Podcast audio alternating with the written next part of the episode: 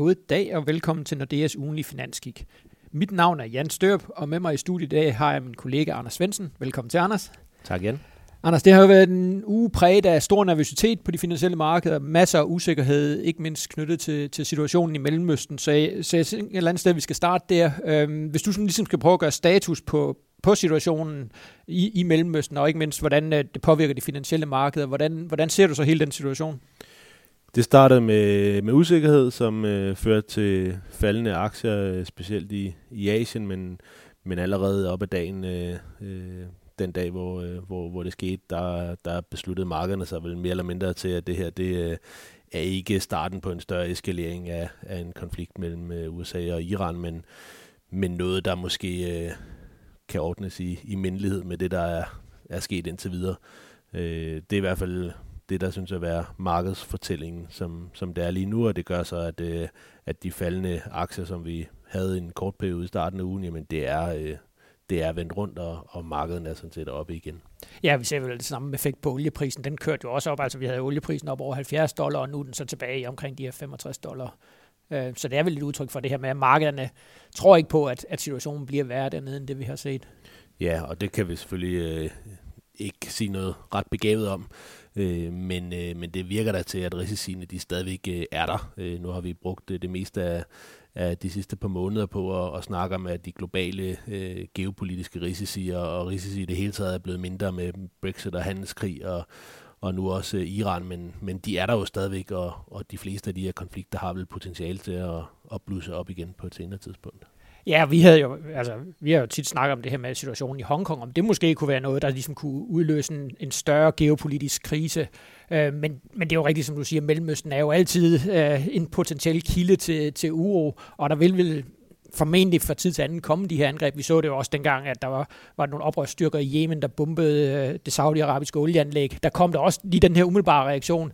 Ja. Øhm, så konklusionen må vel være, at altså, så længe at det ikke udvikler sig mere end de her isolerede angreb, jamen, så er det ikke noget, der får øh, sådan en langtidspåvirkning på de finansielle markeder. Nej, og så længe øh, nøgletallene er sådan nogenlunde anstændige, og centralbankerne har, øh, har fået en sådan øh, mere over mod speederne mod, mod bremsen, så, så kan markederne også tåle en lille smule mere, og det er måske også lidt det, vi har været vidne til den her uge. Det kan godt være, der der kom en reaktion, men så var den heller ikke voldsom, og det gik godt nok hurtigt over igen. Men, men det leder mig så til det, mit næste spørgsmål i forhold til, til de globale nøgletal. Øhm, altså 2019 har jo været, i hvert fald man kigger sådan globalt vækstmæssigt set, der har det jo ikke været specielt prangende. Hvordan, hvordan ser du nøgletallene? Begynder vi at se den her vending, eller er det stadigvæk øh, afmatning? Det er en lille smule svært at, at, at se ud fra de nøgletal, vi har fået øh, i, i den her uge, men, men hvis noget er de vil stadigvæk sådan nogenlunde fornuftige. Øh, vi har jo øh, haft to øh, fokuspunkter øh, de sidste par måneder. Det ene er, er fremstillingssektoren globalt set, som ser ud til at være, være stabiliseret, og, og det synes jeg også, der var lidt tegn i, øh, i, i det her ISM-tal, som vi fik i slutningen af sidste uge på, at, øh, at det, det kan godt være, at det ikke er kønt, men, øh, men det bliver ikke meget værre øh, lige nu og her. Og så den anden del, det er også, om, om det begynder at sprede sig til servicesektoren, fordi fremstilling er en, en forholdsvis lille del af de fleste økonomier. Der er selvfølgelig lige Sverige og Tyskland, der, der er lidt hårdere ramt af, af den her fremstillingssektor nedgang, men servicesektoren er det, det klart vigtigste for, for de fleste af de store økonomier, og så længe at arbejdsmarkederne har det fint, og der er masser af folk, der, der får nye jobs osv., jamen så, så er det som om, at det bliver en relativt begrænset effekt på den samlede økonomi.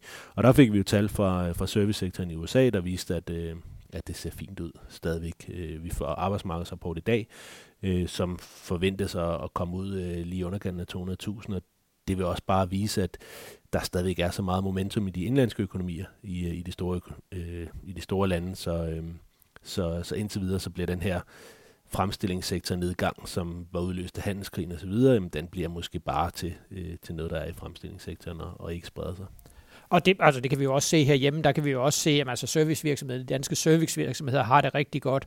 Og det, der jo så er helt specielt ved Danmark, det er, at den afmatning, der har ramt øh, industrivirksomhederne i mange andre lande, du nævnte selv Tyskland og Sverige, jamen den har vi ikke set på samme måde i Danmark. I hvert fald fordi, eller øh, ikke mindst fordi vi har nogle, øh, nogle øh, industrivirksomheder, specielt inden for, øh, for øh, fremstilling af medicin, øh, alternativ energi, øh, eller grøn energi, jamen, som har klaret sig rigtig, rigtig godt. Så vi har faktisk set, at industriproduktionen i Danmark jo er steget, øh, mens den til gengæld er, er faldet i Tyskland. Øh, og det er jo også en af grundene til, at vi kunne holde den her vækst øh, op over 2% i dansk økonomi, fordi vi både har en servicesektor, der har, har klaret det godt, og så samtidig er vi ikke blevet ramt af den her afmatning inden for industrien, som, øh, som for eksempel har bragt øh, Tyskland og Sverige øh, ned sådan lige omkring, omkring nulvækst igennem 2019.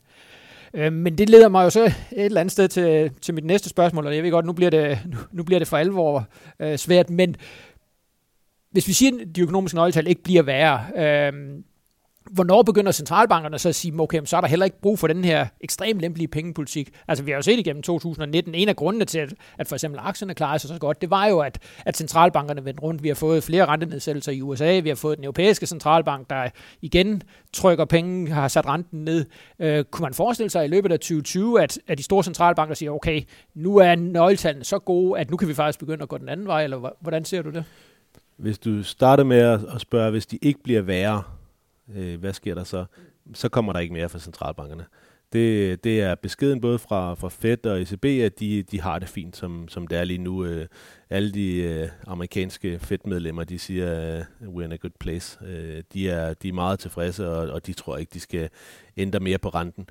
Øh, og ECB har de måske ikke været helt så tydelige, men på den anden side er der heller ingen som helst øh, i ECB, der snakker om rentenedsættelse længere. Så jeg tror at hvis nøgletallene ikke bliver værre, så kommer vi ikke til at få flere, øh, flere renteændringer fra de store centralbanker i år.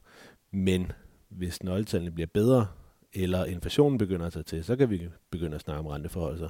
Men de nøgletal, vi har nu, er ikke i sig selv gode nok til, at vi begynder at, øh, at få, øh, få, få renteforholdelser. Dels fordi fremstillingssektoren er, så svag, som, som den er, dels fordi inflationen i de store øh, økonomier er, er relativt lav sammenlignet med, hvad, en, hvad centralbankerne gerne vil have.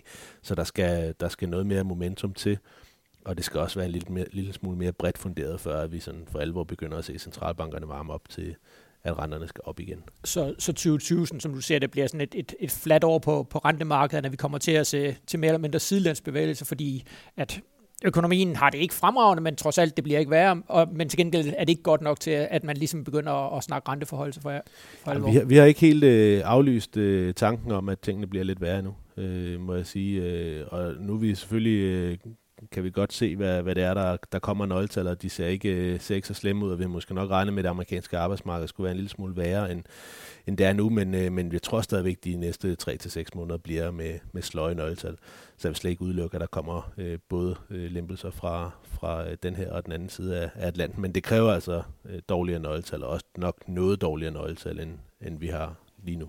Og der kan det sagtens være, at jeg er farve. Nu sidder jeg meget og kigger på dansk økonomi, og det kan godt være, at jeg er en smule mere positiv, fordi at, øh, at tingene går jo faktisk øh, ganske fornuftigt i, i, også i dansk økonomi. Og men vi jo også regner med, at, øh, at i 2020, jamen der kommer, altså vi kommer ikke til at se samme høje vækst, som vi havde i 2018 og 2019. Der kommer en, en lidt mindre aktivitet, men det er lige så meget, fordi at der ikke er, er flere ledige ressourcer på arbejdsmarkedet, så det er lige så meget bliver et spørgsmål om, at man den vej rundt ikke kan, kan skabe den vækst, som man, man har set de foregående år.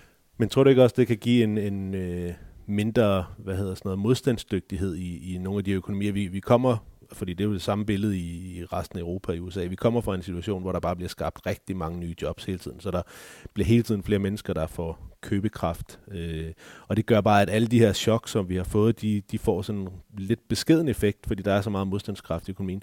Men i det øjeblik, at der ikke bliver genereret så mange nye jobs hver måned eller, eller hver kvartal, tror du så ikke også, at modstandsdygtigheden bliver mindre, og man bliver en lille smule mere sårbar for, for nogle af de øh, eksterne chok, som, som jo, vi stadigvæk ser. Jo, og det, det, det kan sagtens være. Uh, modargumentet skal så være, specielt når vi kigger på husholdningerne, og det gælder faktisk i alle de nordiske lande, når vi kigger på, uh, hvordan de har opført sig. Selvom der har været den her kraftige fremgang i beskæftigelsen, i købekraften, jamen, så har man faktisk brugt uh, de år til at spare rigtig meget op. Så, så de er ekstremt velpolstrede, de danske husholdninger.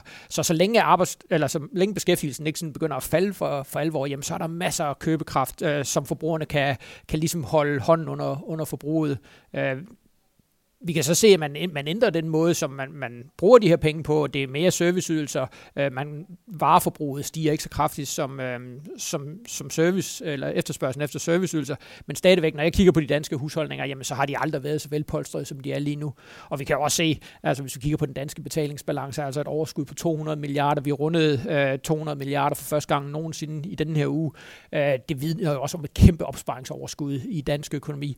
Og vi håber jo alle sammen, at det kan få øh, nogle af virksomhederne til også at investere noget mere i, i dansk økonomi, som også kan være med til at, at, at trække væksten højere. Øh, men det er klart, at vi får, ikke den, vi får ikke den fremgang i beskæftigelsen, som vi har set. Altså, vi har været vant til de sidste par år at se, at den danske beskæftigelse er steget med 40-50.000 om året. Det, kom, det kommer vi ikke til at se, og det kommer vi bestemt heller ikke til at se i, øh, i 2020. Øhm, en anden begivenhed, jeg godt lige vil nå at vende med dig, Anders, det er, når vi kigger frem mod næste uge, der kommer ikke så mange nøgletal, men til gengæld så er der jo lagt op til sådan den helt store parade øh, i det hvide hus. Øh, Donald Trump, han ruller den røde løber ud for, for kineserne. De skal underskrive fase 1 aftalen i, øh, i, jeg ved ikke, om man kan kalde det handelskrigen eller handelsstridigheden. Øh, øhm, hvad kommer der til at se med det, tror du? Jamen, øh, dem der vil underskrevet, og det er generelt forventet, så det tror jeg egentlig markederne vil, vil forbigå i, øh, i sådan rimelig, med rimelig ophøjet ro. Øh, så skal vi jo se enten, at, øh, at der kommer en, øh, en periode med lavere tolvsatser, eller at øh, der sker et eller andet, når vi kommer nærmere det, det amerikanske præsidentvalg, at øh, Trump måske alligevel, når han kommer på den anden side, har lyst til at, at lege lidt mere, både med kineserne og måske endda også med den europæiske bilindustri. Men altså indtil videre tror jeg, at, øh, at den her øh, aftale her, den, den vil bare understøtte den fortælling, der allerede er i markedet om, at eskaleringen er, er overstået, og handelskrigen den har fundet en eller anden form for, for leje. Men det er, ikke, det er ikke godt nyt, før vi får tolvsatserne ned igen. Øhm. Og det du siger, det er også, at, at det kan næsten kun skuffe. Altså alle regner med, at, at aftalen bliver underskrevet på onsdag, men øh, med en masse rullende kam eller foran en masse rullende kameraer. Men hvis ikke den gør det, hvis der sker et eller andet, og det, vi kender jo Trump, han, kan, han er jo ikke altid den mest forudsigelige præsident. Altså, så det kan, næsten, det kan næsten kun skuffe, eller det kan, ikke, det kan ikke være med til for eksempel at løfte aktierne, men omvendt, hvis, hvis ikke der kommer den her aftale på onsdag, jamen, så, så kan det være en kæmpe skuffelse for de finansielle markeder. Ja.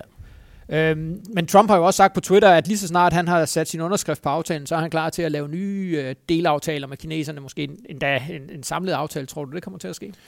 Jamen hvis det gør, så, så vil det jo klart være, være positivt. Øhm, er det ikke lidt svært at, at sådan blive helt klog på, hvad der kommer til at ske også her op mod et, øh, et, præsidentvalg og med, med hele den her impeachment-sag øh, i, øh, i USA også? Øh, jeg tror så længe, at, øh, at aktierne de klarer sig sådan relativt godt, som, som det ser ud lige nu, at den amerikanske økonomi klarer sig sådan relativt fint, jamen så vil, vil meningsmålingerne jo være, være pæne for, for Trump, og så har han jo ikke behov for at, at skabe det helt store røre, og det kunne måske godt være sådan en situation, hvor han egentlig kunne være villig til at lave en, en aftale med, med kineserne. Øh, og så kan det godt være på den anden side, at han skal, skal eskalere øh, nogle andre konflikter. Øh, det vil undre mig, hvis han får fire år mere, at vi, vi får fred og fordragelighed i de, i de fire år. Så det du siger, det er, at der kommer måske ikke til at ske det helt store frem til frem til præsidentvalget, men efterfølgende, der kan der så ske, eller alt afhængig af selvfølgelig, hvem der bliver præsident, så, så, kan, der, så kan der ligesom komme en, en ny, øh, ikke en opblusning, men en ny fokus på, på nogle af de her områder. Jamen i hvert fald så længe hans meningsmålinger ser, ser fine ud, eller hans approval ratings ser, ser fine ud, og det gør det jo i høj grad, fordi aktierne har det fint, fordi økonomien har det fint, jamen så har han ikke behov for at, at skulle skabe en hel masse røre. Men øh, i det øjeblik, at det begynder at, at vende på meningsmålingerne, så vil jeg bekymre mig for, at han så finder på et eller andet for at, at ja, vinde den udvikling. Okay. Lad det være ordene for denne gang. Tak fordi I lyttede med til vores øh, podcast, og det håber vi selvfølgelig også, at I gør øh, i næste uge, hvor vi kommer med nye øh, analyser og vurderinger af de finansielle markeder i vores finanskig. Tak for nu.